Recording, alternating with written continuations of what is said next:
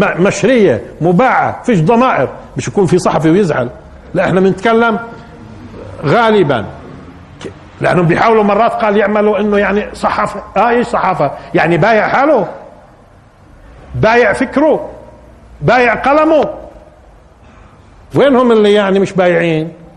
قلة. لا مش كلهم. آه. وين اللي مش بايعين؟ هذول شو مهمتهم؟ أيوه هذول مشان يمسحوا أدمغة. سحرة من نوع ثاني.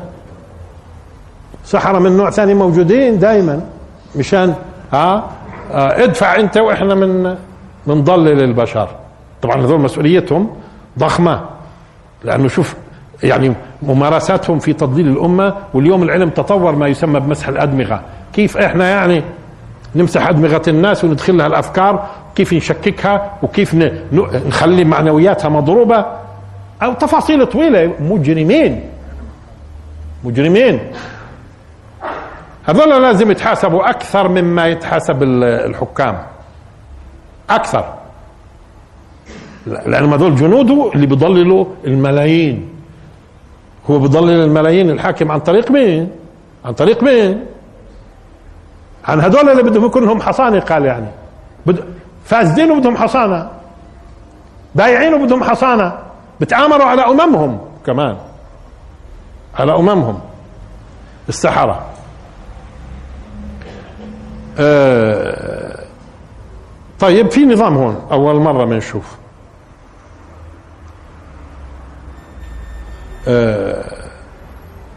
والقرآن يركز على شريعة موسى عليه السلام كما لم يركز على أي شريعة سابقة إذا بتلاحظوا.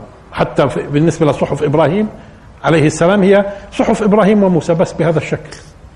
لكن قديش ذكرت التوراة في القرآن. يعني 17 18 مرة في القرآن ذكرت التوراة. ملاحظين؟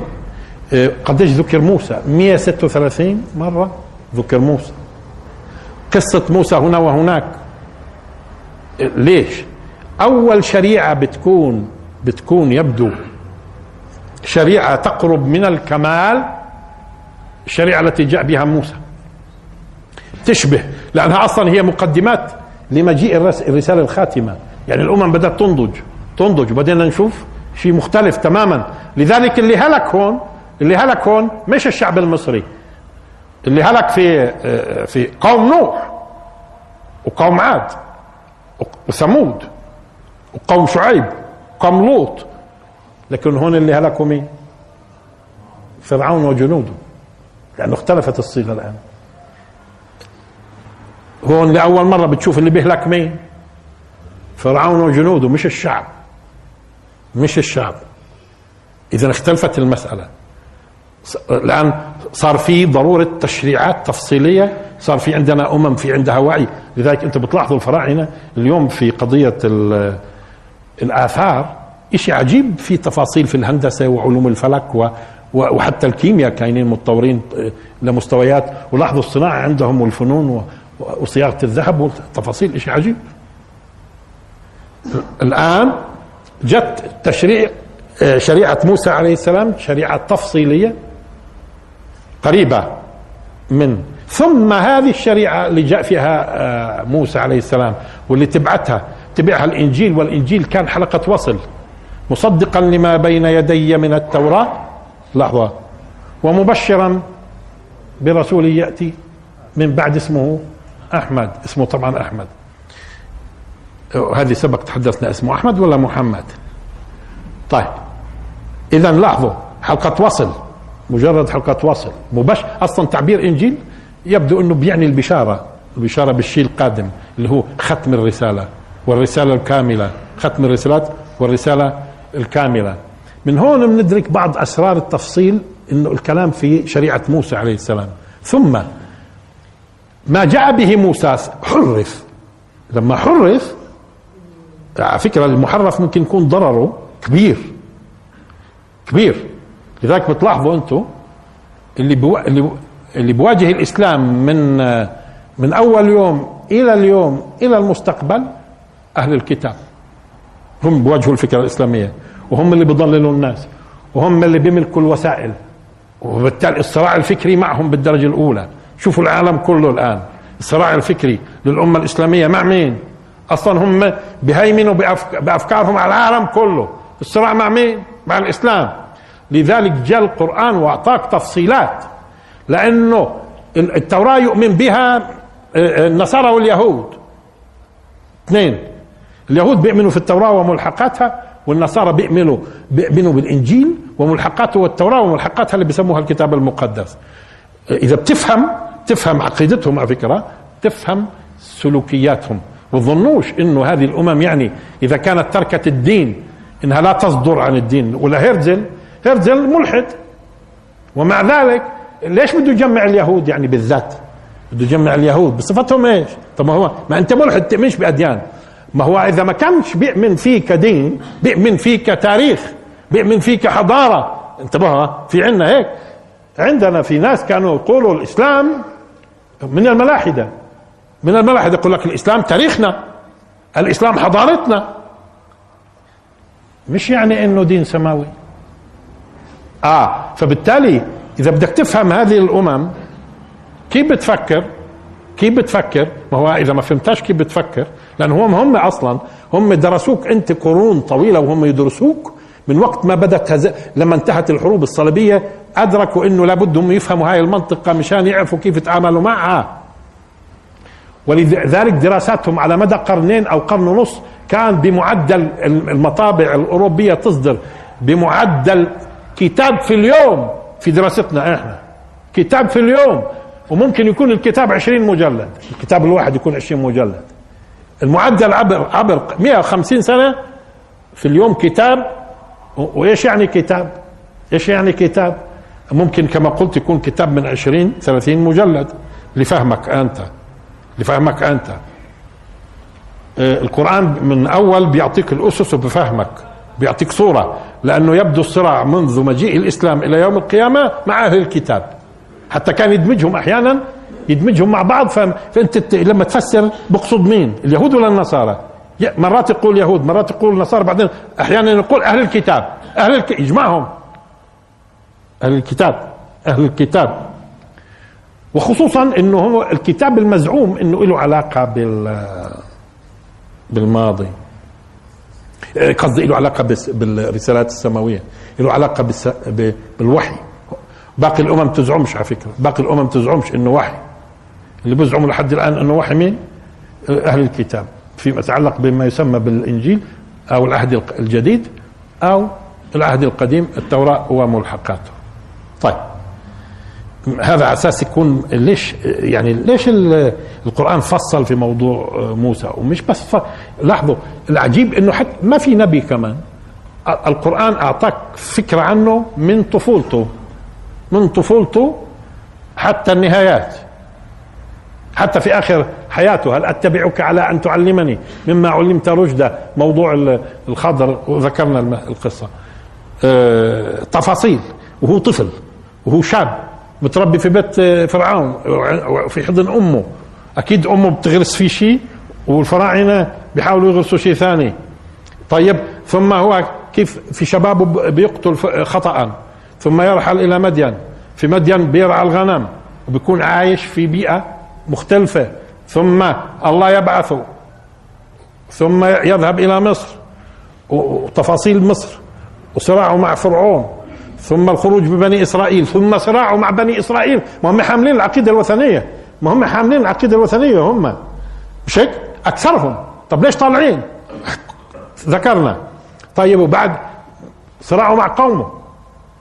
نزول التوراة وتفصيلاتها وايش صار معاه من قصص.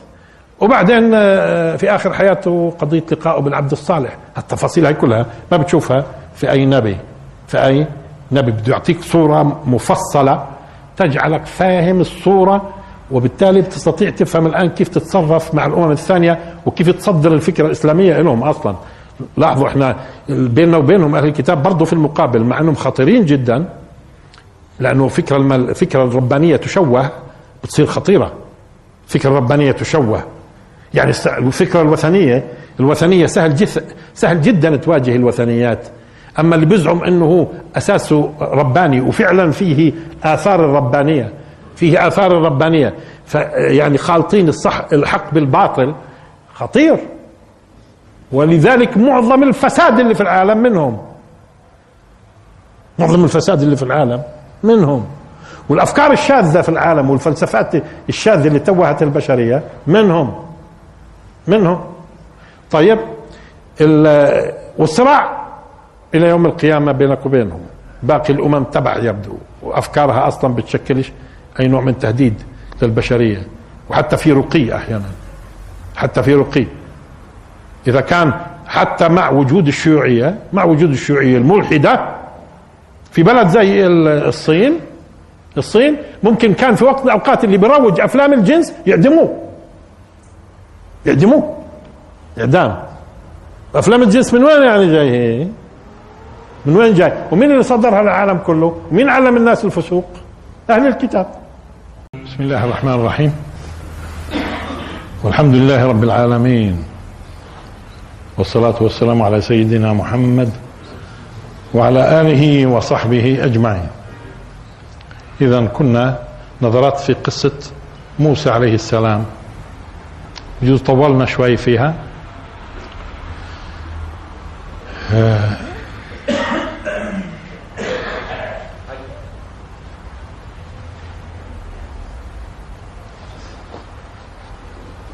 ما قبل إبراهيم عليه السلام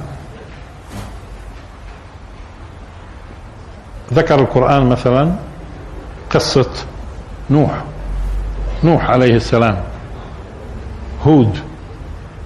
هود طبعا قوم عاد. قوم نوح قوم هود قوم صالح قوم لوط قوم شعيب. ما فيش ذكر فيش ذكر لملك وسلطة ونظام نظام آه، نقول متطور في الحكم. في ملأ وفي قوم. والملأ يعني اللي لأنه لابد في أي مجتمع بشري يكون في متنفذين. بس آه، ما فيش أي آه، شيء يدل على وجود سلطة في ملأ. آه الآن لما نيجي لعهد إبراهيم عليه السلام أنتم بتعرفوا من ناحية إذا بدنا نيجي زمنيا في عندك ابتداء قوم نوح بعدين حسب ما يذكر القرآن عندنا عاد قوم هود عندنا ثم ثمود قوم صالح ثم قوم لوط ثم شعيب. شعيب. هون بنكون قربنا في موضوع آه، زمن إبراهيم عليه السلام لأنه قوم لوط قوم لوط في زمن إبراهيم. عليه السلام. لأنه هو أصلا لوط هاجر مع إبراهيم عليه السلام من منطقة الفرات إلى فلسطين ابن أخوه عليهم السلام. الآن لكن في وإبراهيم عليه السلام في العراق بنلاحظ إيش؟ إنه في ملك. لأنه الحوار اللي تم بين إبراهيم عليه السلام ومين؟ اللي, اللي آتى الله سبحانه وتعالى ملك. هاي بدينا نشعر إنه في ملك بس بدون تفصيل. في ملك. ثم يأتي إبراهيم عليه السلام من منطقة الفرات إلى هذه المنطقة. العجيب إنه الآن الآن إبراهيم عليه السلام طالت حياته هنا في المنطقة سواء كان في في فلسطين أو ذهب إلى مصر أو في الجزيرة العربية. بتعرفوا قضية بناء الكعبة؟ ما فيش إطلاقا أي كلام عن صراع مع ناس غير مؤمنين. وكأنه الأمر استتب لإبراهيم عليه السلام لما هاجر من العراق. إلى يبدو الناس كانت يعني مستجيبة لإبراهيم عليه السلام وبالتالي كان آه، إسحاق عليه السلام نبي يقوم بوظيفة الإرشاد ومتصل بالوحي في مجتمع مؤمن. القضية نفسها مع يعقوب نلاحظ. يعقوب أيضا ما فيش أي صراع. ما فيش أي صراع مش هيك؟ اذا في الأمر كاين مستتب يبدو وفي إيمان في إيمان. تأتي قصة يوسف ابن يعقوب عليه السلام عليهما السلام. الآن هناك في مصر بنلاحظ إنه برضه في ناس في ملك غير م... يعني على الشرك يبدو وقومه على الشرك. ثم يصل يوسف عليه السلام منصب عالي ثم يبدو الأمور تستتب له والناس بتستجيب. ولقد جاءكم يوسف من قبل بالبينات هذا مؤمن آل فرعون. يعني إذا كانوا بيعرفوا يوسف تماما. ثم تأتي قصه قصة ذهاب يعقوب اللي فيما بعد سمي إسرائيل. يبدو بعد حدث معين سمي إسرائيل. بعد حدث معين مش وقته الآن. آه، سمي إسرائيل والغريب إنه هو أحيانا يذكر يعقوب وأحيانا يذكر ابنائه بصفتهم بنتسبوا لإسرائيل مش ليعقوب. يا بني إسرائيل مش يا بني يعقوب اللي هو الاسم الأصلي يعني. آه طيب وهاجروا إلى مصر وكان هناك بيحكم الملوك الرعاة الهكسوس قلنا الملوك البدو هيكوشاسو.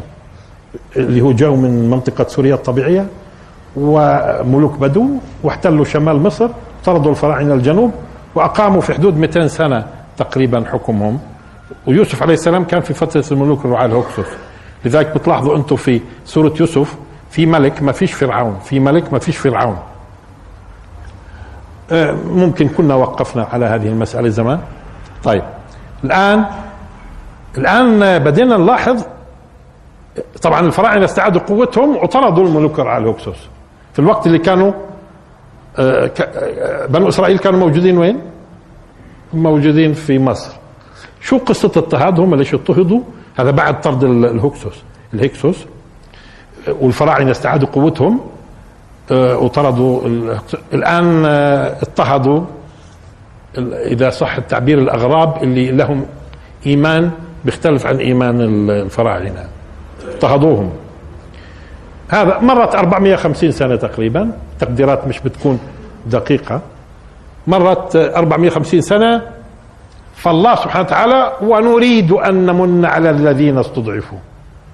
يعني هم بني إسرائيل وهم كانوا صاروا منحرفين ويبدو أنه في بقايا دين حق في مثل أمه أم موسى عليه السلام وناس بقيوا على الحق وأكثرهم كانوا صاروا إيش؟ متبعين ديانات الفراعنة والوثنيات. طب بيستحقوا يعني؟ بيستحقوا كل هذا؟ آه, آه ونريد أن نمن على الذين استضعفوا. لأنه أحيانا الانحرافات بتأتي من أين؟ من انه بتكون هذه الأمة مضطهدة مضطهدة ومستضعفة مستضعفة. فالله سبحانه وتعالى يريد أن يمن عليهم بصفتهم إيش؟ آه تم استضعافهم. لأنه في فرق بين الانحرافات. اللي بينحرفوا وهم إيش في حالة علو واستكبار وملك و و و, و وبين اللي ممكن يكون انحرافاتهم ناتجة عن ضعفهم واستضعافهم وممارسة الظلم ضدهم. فالله سبحانه وتعالى يريد أن يرحمهم. فالأمم المستضعفة الله سبحانه وتعالى ممكن ييسر لها الخلاص. وأنتم على فكرة من الأمم اللي كانت مستضعفة والخلاص قادم مش مطول. طيب. آه ونريد أن نمن على الذين استضعفوا. هون في قصة موسى عليه السلام بدينا نلاحظ في نظام نظام فرعون على رأس الدولة وفي هامان رئيس الوزراء وفي المستشارين وفي الجيش وفي الجيش. هذا الكلام ما كنت تشوفوه قبل في الدعوات السابقة إذا هون بدأت إيش؟ يتبلور نظام نظام دولة. إلى درجة إنه فرعون تجدوه بيستشير بيستشير وفي ملأ بيشيروا عليه. آه، وفي وفي الوقت نفسه ذروني اقتل موسى. ذروني. اذا في إيش؟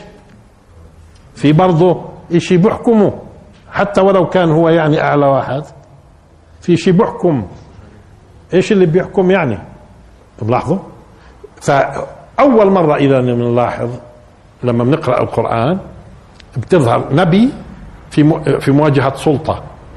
على راسها الملك فرعون وزراء شيك جيش جيش سحرة. سحرة بدعموا النظام. ما هو اليوم في سحرة بدعموا النظام خصوصا في الإعلام على فكرة. النظم الفاسدة النظم الفاسدة على فكرة ما هي بتشتري السحرة هذول. اليوم هم السحرة بيمارسوا السحر على أي طريق اللي هو مسح الأدمغة يعني. مسح الأدمغة كان بقول لك الصحافة. إيش صحافة؟ أكثر الصحافة منحطة أكثرها. ومين اللي بيحكي برضه بالقيم والمبادئ والإنسانيات؟ أهل الكتاب. كيف بيجمعوا تنتين طيب. لأنه إحنا يعني قربنا نخلص في موضوع على أساس ننتقل فيما بعد لقضية ثانية غير قصة موسى عليه السلام. خليني أخذ الآن بعض المسائل تتعلق بموسى عليه السلام. يقول الله سبحانه وتعالى أظن في سورة السجدة ولقد آتينا موسى الكتاب فلا تكن في مرية من لقائه وجعلناه هدى لبني إسرائيل. كمان مرة. ولقد آتينا موسى الكتاب فلا تكن في مرية من لقائه وجعلناه هدى لبني إسرائيل. ليش أخذت هذه الآية بالذات؟ لأني لاحظت كتب التفسير لاحظت كتب التفسير آه، وهي تفسر هذه الآية في أقوال كثيرة. كثيرة خصوصا الضمير في فلا تكن في مرية من لقائه لقائه. هذا الضمير بيرجع لمين؟ نشوف. نعطي شوي إيش قالوا؟ نعطي شوي إيش قالوا؟ بعضهم قال زي ما أنتم فهمتوا من اول لاول من أول وهلة يعني فلا تكن في مرية من لقاء موسى يعني. ولقد آتينا موسى الكتاب فلا تكن في مرية من لقائه. شو بيخطر في بالك لقائه؟ لقاء موسى. فصاروا يقولوا طب وين الرسول التقى موسى؟ وين الرسول التقى موسى؟ هل هل هذه الآية نازلة قبل حادثة الإسراء والمعراج؟ فبالتالي بتقول له إنه راح تلتقيه مش هو التقى بموسى عليه السلام من ضمن الأنبياء اللي التقى فيهم وصار في قصة الإسراء والمعراج صار في مسألة الصلوات الخمسين وخمسة. تذكروا؟ في قصة الإسراء. يعني معناته هاي الآية ما هي سورة السجدة مكية. سورة السجدة مكية وسورة الإسراء مكية بس الإسراء قبل الهجرة بسنة. قبل الهجرة بسنة. الآن آه، فلا تكن في مرية من لقائه يعني وكأنه عم بتكلم عن مستقبل ولقاء موسى. وإذا بتلاحظوا هو اللقاء اللي نتج عنه حتى إيش؟ تشاور. نتج عنه تشاور. وصلاة وأثر في حياتنا اليومية. خمسين صلاة؟ شو صارت؟ خمسة. وبعض الناس قال يعني اللي استزج نتيجة صراعنا مع إسرائيل. نتيجة صراعنا مع إسرائيل في هذا القرن. قال صاروا يقولوا إيه هذه بجوز من دسائد اليهود مشان يعملوا لموسى شأن. ليش هو؟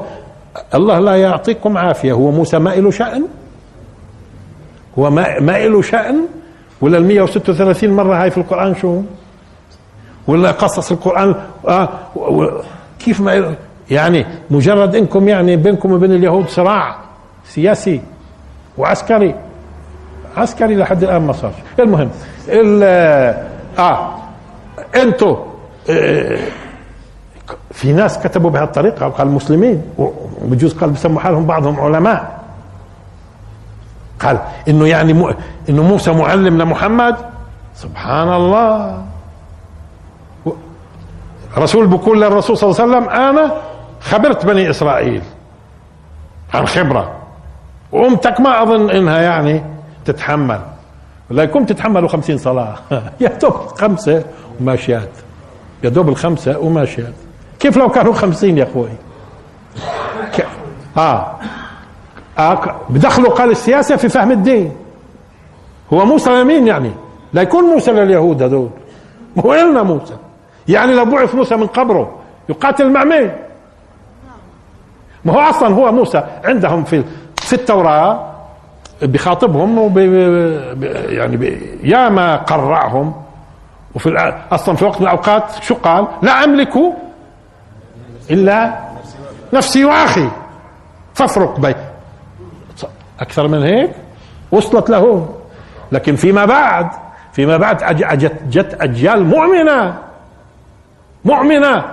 وإيمان على مدى قرون. تطبيق شريعة الله. والتوراة يحكم بها النبيون الذين أسلموا للذين هادوا. وشفنا قمم. داود وسليمان وزكريا ويحيى. تفاصيل. كلهم مؤمنين. طيب. أصلا سليمان أذل اذل بني إسرائيل اللي كانوا يحاولوا يتغطرسوا وبعد ما مات حاولوا وشقوا الدولة لأنه كان ذاللهم وسبق تحدثنا في هالموضوع. طيب؟ فهذا تفسير بعض الناس فلا تكن في مرية من لقاء على اعتبار إنه إيش؟ طب وإذا نزلت بعد الإسراء والمعراج؟ يعني إنه فلا تكن في مرية إنك التقيته. بعد شوي نتحدث إن شاء الله إيش يعني فلا تكن في مرية هذا وجه من وجوه اللي إيش فسروا فيها الآية. في ناس شو قالوا؟ فلا تكن في مرية من لقاء الكتاب. يعني مثل ما انه موسى أعطي كتاب أنت بتعطي من جنس الكتاب اللي هو الوحي هذا من جنس ما هو جنس الكتاب الكتاب السماوي الموحى به. فلا تكن في مرية من لقاء مين؟ الكتاب. انو كتاب يعني القرآن. يعني هاي صعبة شوي. أنا بفهم إنه الرسول تلقى الكتاب أما يلقى الكتاب مش معهود مثل هذا التعبير في القرآن الكريم. بس يتبناه عدد لا بأس فيه من المفسرين المعاصرين والقدماء إنه فلا تكن في مرية من لقاء الكتاب. يعني مثل ما أعطينا الكتاب لموسى بدنا نعطيك طب طب ما هو ما يستخدم القرآن هذا التعبير. فلا تكن في مرية من لقاء الكتاب. ها؟ تلقى. تلقى. ما يستخدم لقاء الكتاب. بعدين هو أصلا هذه وين كانت؟ كيف بده يكون في مريم من لقاء الكتاب؟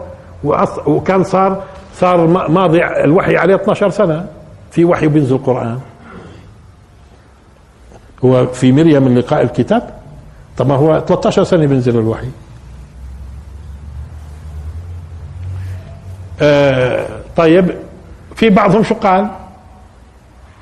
لا في في الجميل مرات بعض كبار قديش العقول مرات بتكون عبقرية ولكن أحيانا شو بتصير؟ في بعضهم قال كل هذا غير صحيح. ضعيف يعني. طب وشو الصح؟ قال فلا تكن في مرية من لقاء الله. طب وين لقاء الله؟ طب كان ممكن العبارة تكون ولقد آتينا موسى الكتاب ولقد آتينا موسى الكتاب فلا تكن في مرية من لقائنا. مش هيك طالما الضمير في الأول ولقد آتينا موسى الكتاب فلا تكن في مرية من لقائنا. هاي بصير وقتها. مفهوم؟ لا قال بعضهم الكبار المعاصرين بعد ما ضعف الأقوال كلها جاب لنا بهذا القول. قال يعني فلا تكن في مرية من لقاء الله. في منهم شو قال؟ فلا تكن في مرية مما لاقاه. موسى من بني إسرائيل ومن كذا ومن كذا وأنت بتلاقي زيه وهو صبر وأنت بتصبر. فلا تكن في مرية مما لاقاه يعني من لقائه. يعني إذا بتلاحظوا مش راكبه مظلومة أكثر من اللي قبلها قصدك. آه بدناش نخوض كثير شو قالوا في لقائه؟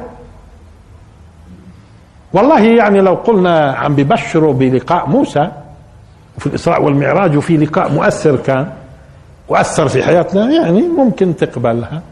يعني نأخذ من بينها الأقوال فلا تكن في مرية من لقائه يعني في المستقبل. على اعتبار السجدة ممكن نازلة قبل الإسراء وحتى لو كانت نازلة بعد ما هو ما كانش الصورة مرات تنزل إيش؟ كاملة. يعني البقرة مثلا من أوائل ما نزل وإيش؟ من أول ما نزل في في المدينة. بس برضه فيها آخر ما نزل. مش هيك واتقوا يوما ترجعون فيه إلى الله ثم توفى. كل نفس ما كسبت وهم لا يظلمون. اذا البقرة من أوائل ما نزل في المدينة وفيها من آخر ما نزل كمان. مش هيك طيب. أنا شخصيا أرى معنى آخر. شو يعني فلا تكن في مرية من لقائه؟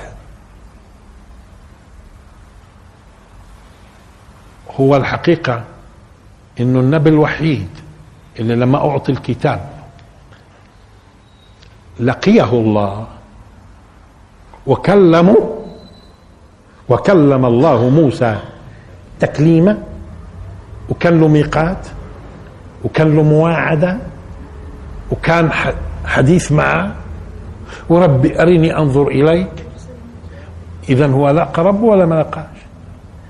إذا فلا تكن في مرية لأنه لاحظوا شو قال ولقد آتينا موسى الكتاب. وين آتى الكتاب؟ آتى الكتاب عندما التقاه التقاه ولا ما التقاهوش في نبي التقاه طب على فكرة التقى محمد صلى الله عليه وسلم ولكن وين كان اللقاء؟ ليلة الإسراء والمعراج.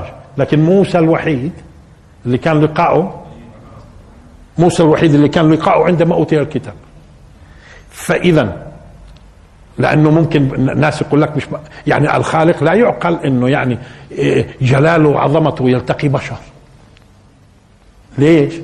ليش يوم القيامة إحنا مش يظنون أنهم إيش؟ ملاقوا رب. بدنا نلاقي ولا بدناش نلاقي؟ الرب. مؤمنين وغير مؤمنين.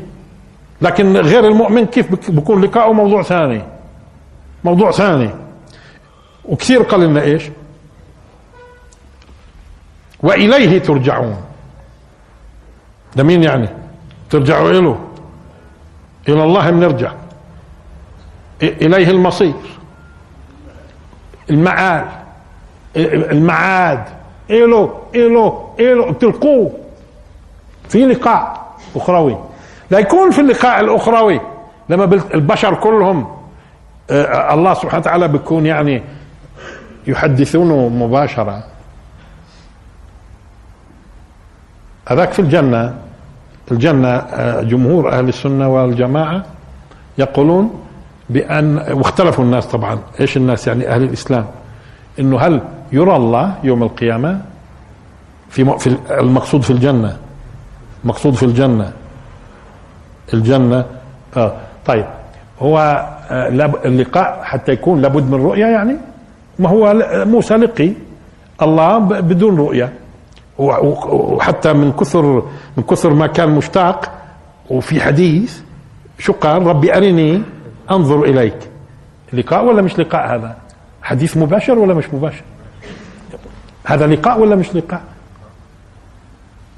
ولذلك أنا أرى أنه ممكن يكون هذا هو المعنى.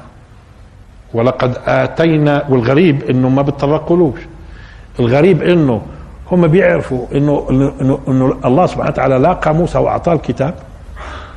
مش أعطاه الألواح لما لاقاه لاقاه عدة مرات. ووعده. وكان له ميقات. وأعطاه الكتاب. ولقد آتينا موسى الكتاب. فلا تكن في مرية من لقائه. وعارفين ممكن يكون فيها بشرى؟ ممكن يكون فيها بشرى كمان. وبدنا نلاقيك لأنه بعدها في الإسراء في المرحلة المكية برضه إيش؟ صعد الرسول صلى الله عليه وسلم والتقى ربه. وحتى هناك من يقول إنه لحظة إنه إيش معنى لما نقول إحنا في الصلاة التحيات لله؟ التحيات لله. إنه هذه كانت عند اللقاء. التحيات لله لأنه التحيات فيها معنى الملك على فكرة. شو معنى تحياك الله يعني من ضمن معانيها ملكك الله. التحيات لله الملك لله. يعني علم الرسول كلمات يقولها في لقاء. إذا ممكن فلا تكن في مرية من لقائه من لقائه من لق... يعني فلا, فلا تتشكك من أن الله قد لقيه. إذا لقاء لقاء لمين ولقد آتينا موسى الكتاب فلا تكن في مرية من لقائه لقاء. لقاء موسى لمين؟ لله سبحانه وتعالى لأنه هذه القضية اللي ممكن تكون كثير من الناس ما يستوعبوهاش. إيش يعني؟ الرب الجليل مطلق القدرة والعلم يلاقي عبد من عباده شخص. هو لقى من أجل مين؟ إحنا قلنا سابقا. لقى من أجل مين؟ من أجل البشر. لذلك البشر كريمين على الله سبحانه وتعالى. ولقى من أجل إيش؟ ونريد أن نمن على الذين استضعفوا. طيب نشوف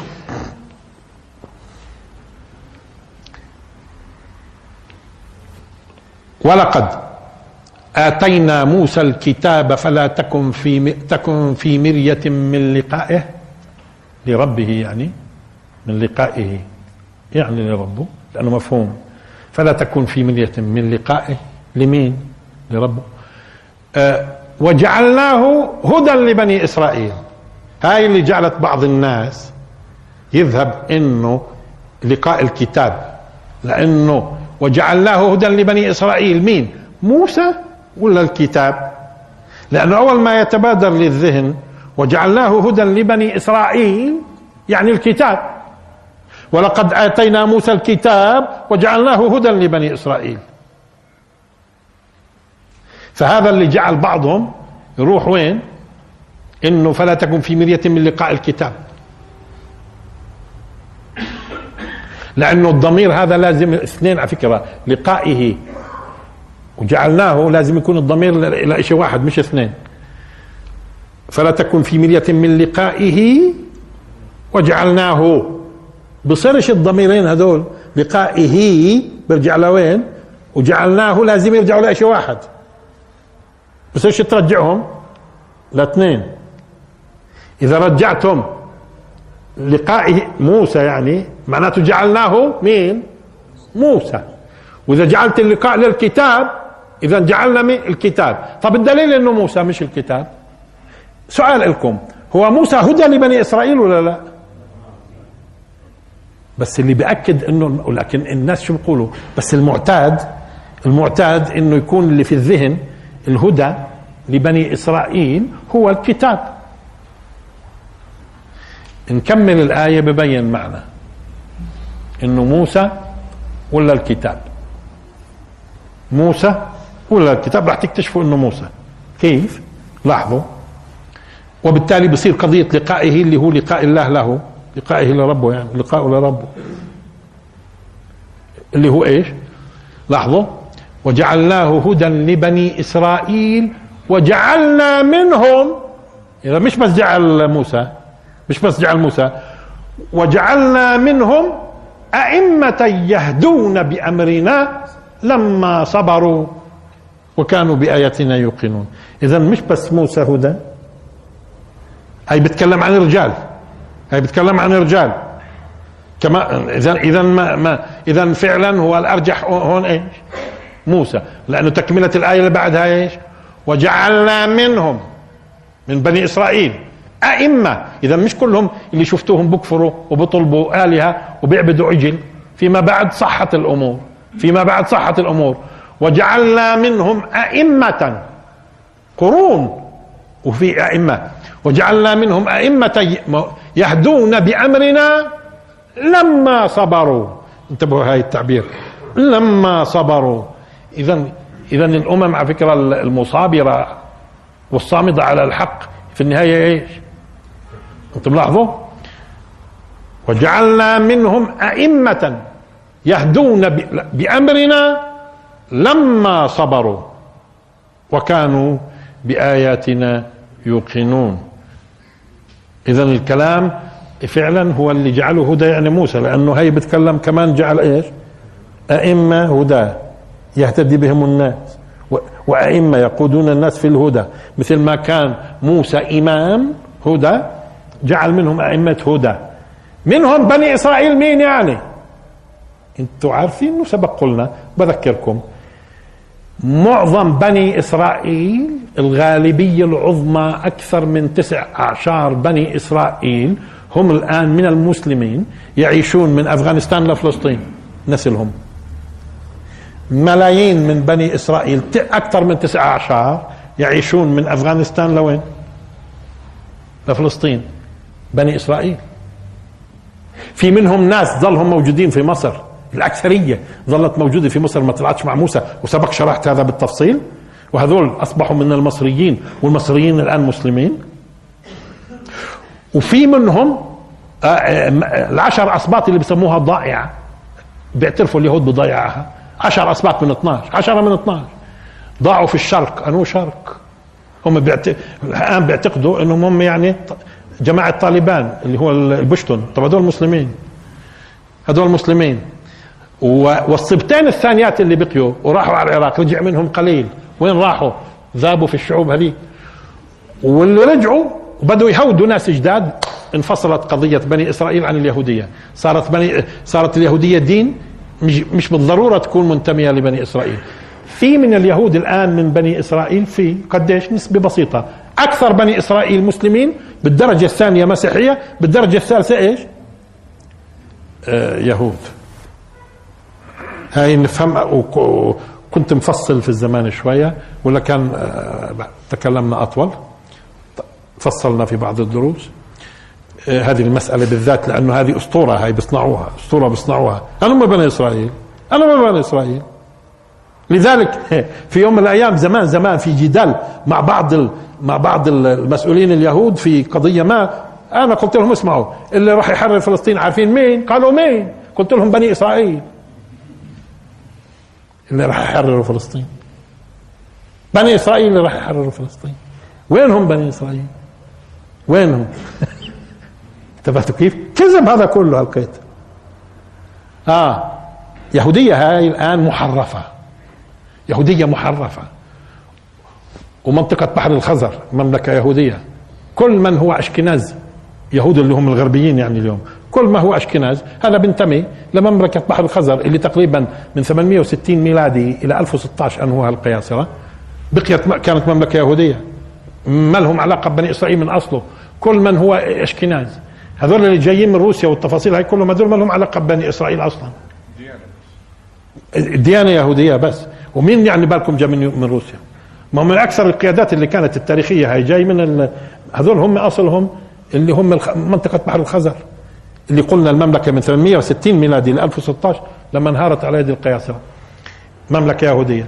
إيه، يعني مثلا لما تيجوا لا تسألوا في جولدا ماير مثلا. منين مهاجره من روسيا جت. وفلان من بولونيا وفلان من رومانيا وفلان آه كل ما يسمى اشكيناز اللي هم الغربيين اليوم الغربيين هذول ما لهم علاقة وفي عرب كمان اليوم يهود قبيلة كندا تبنت اليهودية ما لها علاقة بني إسرائيل في عرب صاروا يهود في, في اليمن عرب صاروا يهود انتبهتوا كيف قضية بني إسرائيل وانفصالها عن عن اليهودية هذا حصل بالتدريج واليوم هي اليهودية دين محرف؟ دين محرف. خطير. لأنه محرف. مش الحقيقة. بيجي الإسلام برد الأمور لنصابها. برد الأمور لنصابها في الصراع الفكري اللي بيقوم بين الإسلام الآن وأقوى قوى موجودة في الكرة الأرضية ويبدو أنها راح تظل. هذه القوى هي الصراع الفكري معها بالدرجة الأولى مش باقي الأمم. لذلك أنتم بتلاحظوا الفرس. معركة معركتين الفرس أسلموا كلهم. الفرس كانت إمبراطورية ضخمة. معركة معركتين أسلموا كلهم وخلصنا بعد القادسية وكم معركة. لكن فيما ت... من اليرموك لليوم لبكرة؟ والصراع مع مين؟ مع أهل الكتاب. سواء كان عسكري أو كان آه، فكري. والأخ طبعا الأخطر الفكري. والأخطر الفكري لأنهم هم الآن بدافعوا عن أنفسهم. لأن الإسلام بيقتحم عندهم. الفكرة الأقوى طبعا المسلمين اليوم نهضوا صاروا صاروا عندهم قدرة على الفهم صاروا قادرين على تصدير الفكرة. الغرب الآن هش ما في عقيدة هش. لذلك هم بيحاولوا الآن كل ما بتشوفوه أنتم من محاولات الإساءة للرسول والتفاصيل هاي كلها. هذا دفاع عن أنفسهم. هذا بدهم يعملوا حواجز بين شعوبهم والإسلام. هم كانوا طمعانين في يوم من الأيام إحنا نصير نأخذ عقيدتهم. الآن شو؟ كل آمالهم يعملوا حواجز بين شعوبهم والإسلام. هاي كل امالهم في يوم من الأيام كانوا إيش؟ مش قلنا لكم على شخص من من غطرستهم. يعني مش من زمان بعيد يعني في القرن الماضي في أوائل القرن الماضي في أوائل القرن الماضي. هم؟ كانوا بيشعروا بتفوقهم العلمي. إيش بتحدى؟ بإيش بتحدى؟ بتحداهم بقول لهم أنا بحول مصر في سنة إلى المسيحية. في سنة. راهنهم على هالكلام. وجاء وسكن الإسكندرية. جاء وسكن الإسكندرية وبدأ بده يمارس إيش؟ باعتبار هذه أمة متخلفة. وهو إيش يعني؟ الرجل قبل نهاية السنة هرب ورجع عارفين ليش؟ خاف يسلم. خاف يسلم. قصة معروفة. خاف يسلم لأن شاف حاله مضعضع ها؟ قال آه. طب وكيف اليوم؟ هذا هذا ارجع على 100 سنة هذا الآن الكلام قبل 100 سنة. طيب كيف اليوم؟ اليوم لا اليوم صارت الفكرة متفوقة وفي ناس متفوقين عندهم قدرة يبلغوا الفكرة. ولذلك هم الآن كل كل محاولاتهم والإساءة والتفاصيل يعملوا حواجز بين شعوبهم والإسلام. بين شعوبهم والإسلام. طيب. الآن اذا هذه الآية الأولى. وجعلنا منهم أئمة يهدون بأمرنا لما صبروا وكانوا بآياتنا يوقنون. نأخذ الآن بعض الأمور لها علاقة بموسى. مثلا نعطي فكرة سريعة سريعة عن الألواح. وألقى الألواح. الألواح كان مكتوب فيها. العهد القديم أو التوراة التوراة بتقول إنهم لوحين من حجر. لوحين من حجر انعطوا لموسى هذا في التوراة. لوحين من حجر مكتوب على الوجهين يعني بصفوا أربعة. لوحين من حجر مكتوب على الوجهين. آه، أعطوا لموسى جاهزات جاهزات كألواح وجاهزات إيش؟ ككتاب. ولما جاء وشاف قومه هذا حسب التوراة. ولما جاء, وشاف قوم التوراة المزعومة لما جاء وشاف قومه بيعبدوا العجل بيعبدوا العجل كسرهم لا كسرهم. مش رماهم عندهم كسرهم. كسر الألواح. يعني وكأنه قال إيش؟ إيش بدنا في يعني فكسر الألواح. هذول اللي بيعبدوا العجل. يعني شو لزوم الألواح؟ كلامهم إنه كسر الألواح. ولانهن انكسرن بعد ما تخلص قصة ما هو اللي صنع العجل قلنا لكم عندهم هارون مش السامري طيب بعد المهم الله سبحانه وتعالى بيقول له الآن أنت اصنع لوحين وأنا بكتب لك عليهم. في الأول كان منعط اللوحة وجاهز الكتابة. نتيجة أنه كسرهم. الله طلب منه فيما بعد إيه، إيش؟ يصنع لوحين يصنع لوحين. يظبط لوحين من الحجر ويكتب الله بكتب وقال له بكتب لك عليهم. هذا في عندهم. لكن لاحظوا القرآن عم بقول ألواح. الألواح. هي أول قضية. يعني القرآن آه، تكلم فيها كإيش جمع اثنين القرآن ما قالش إيش هي الألواح. يعني هل هي حجر ولا خشب ولا إيش؟ ما قالش. والأصل ما تكونش أصلا حجر. يعني أنتم بالكم ألقى الألواح باقي حاملها المسافة. يعني آه، الحجار يعني لوح. حجر؟ ماشي. كلهم اثنين اثنين قضية بنحملوا خصوصا إذا بتساعد.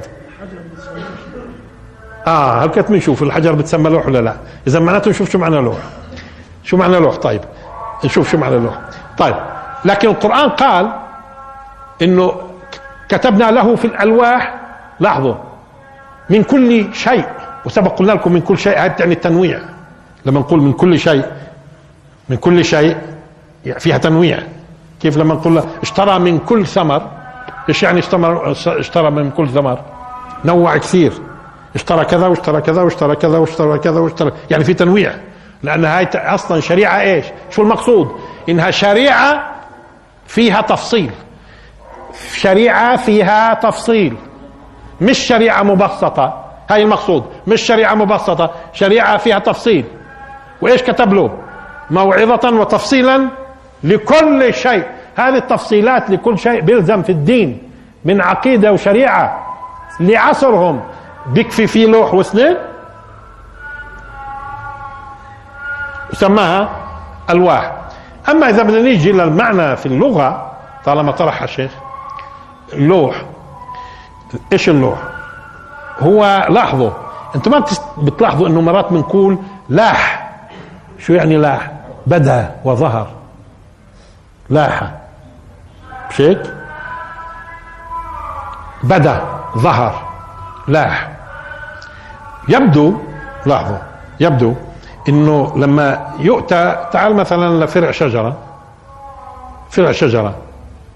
لما يسوى يسوى بأبعاده بأبعاده المختلفة ويصير له طول وعرض. بصير إيش؟ وبعدين حتى لونه بتجدوه إيش صار؟ مختلف هيك فمن هون وإذا كتب عليه إذا كتب عليه أول ما تنظر فيه إيش اللي يروح لك؟ المعاني وتسويته وعرضه وهالتفاصيل هاي كلها. أنت لما تنظر لجذع الشجرة غير لما تنظر للوح خشب. وانت بسموه لوح خشب على فكرة؟ وهو جذع شجرة؟ وانت بقولوا عنه لوح خشب وهو جذع شجرة؟ لا.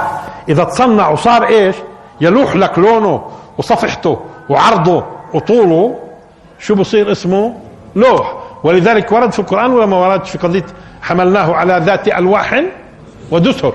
ذات ألواح. معناته أول ما بتشعر إنه خشب عريض. ذات ألواح خشب ماله؟ عريض. طب ليش الخشب العريض لوح؟ لأنه يلوح لك إيش في صفحته اللي بتكون مسوية وممهدة وأبعاده. غير لما تطلع على شجرة هيك ملهاش مش مبين أبعاد مليح وتفاصيل مش هيك؟ لما ينشك ويتظبط يلوح لك. والكتابة تصبح إيش؟ يعني في فرق ما تكتب على شيء زي زي هذا عمود تكتب عليه لا تلوح لك الكتابة من أولها. لكن لما يكون مكتوب على اللوح المستوي والممهد أنت تلوح لك كل الكتابة كمان.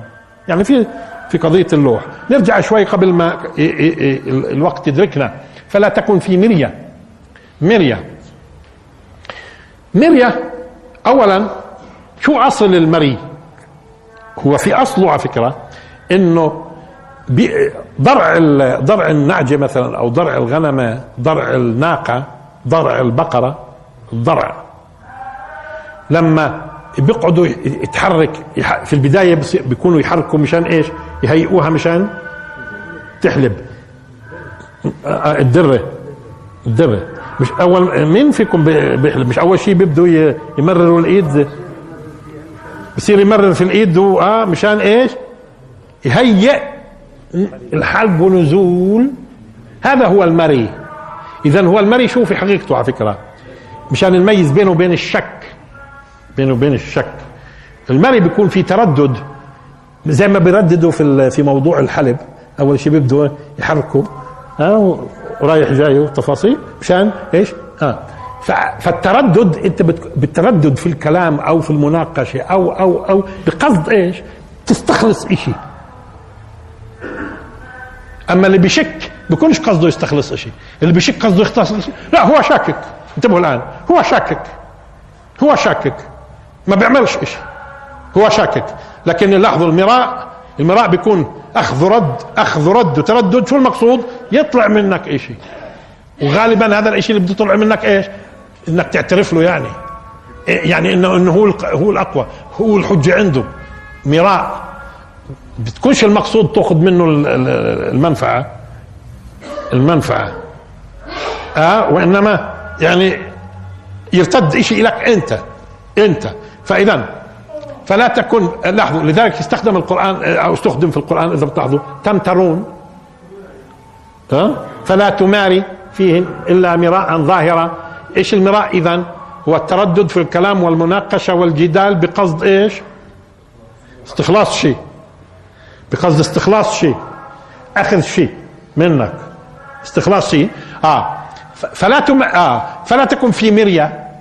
يعني بمعنى خلاص انت الآن بتتحدث عن عن لقاء موسى كشيء ثابت غير قابل لأن يكون فيه تردد ويناقش مع الآخرين وكأنه مش واصل للحقيقة لا الحقيقة واصلة وهذه حقيقة أنت أنت موحى إليك وهذا من أساليب غرس العقيدة. مثلا لما أجي أقول له لا تشك أن الله واحد. هذا مش معناته هو بشك. هذا أسلوب من أساليب إيش؟ تبليغ العقيدة أن الله واحد وأنها قضية غير قابلة للشك. اذا ها لأنه في ناس شو بيقولوا؟ أنت لما تقول له لا تشك أن الله واحد يعني معناته أنت بتشهد له إنه بشك؟ لا. هاي معناها قضيتين. القضية الأولى تبليغ أن الله واحد وأنها قضية ثابتة إلى درجة لا يشك فيها. لا يشك فيها. لا تكن في مرية. طيب ما هو إذا اوحى له الله خلاص بيوافق. لكن هذا من أساليب إيش؟ تبليغك. إنه هذه حقيقة تبليغك أنت مش بس الرسول هذه حقيقة غير قابلة للأخذ والرد. غير قابلة للأخذ والرد. وآخر دعوانا الحمد لله رب العالمين وبارك الله فيكم.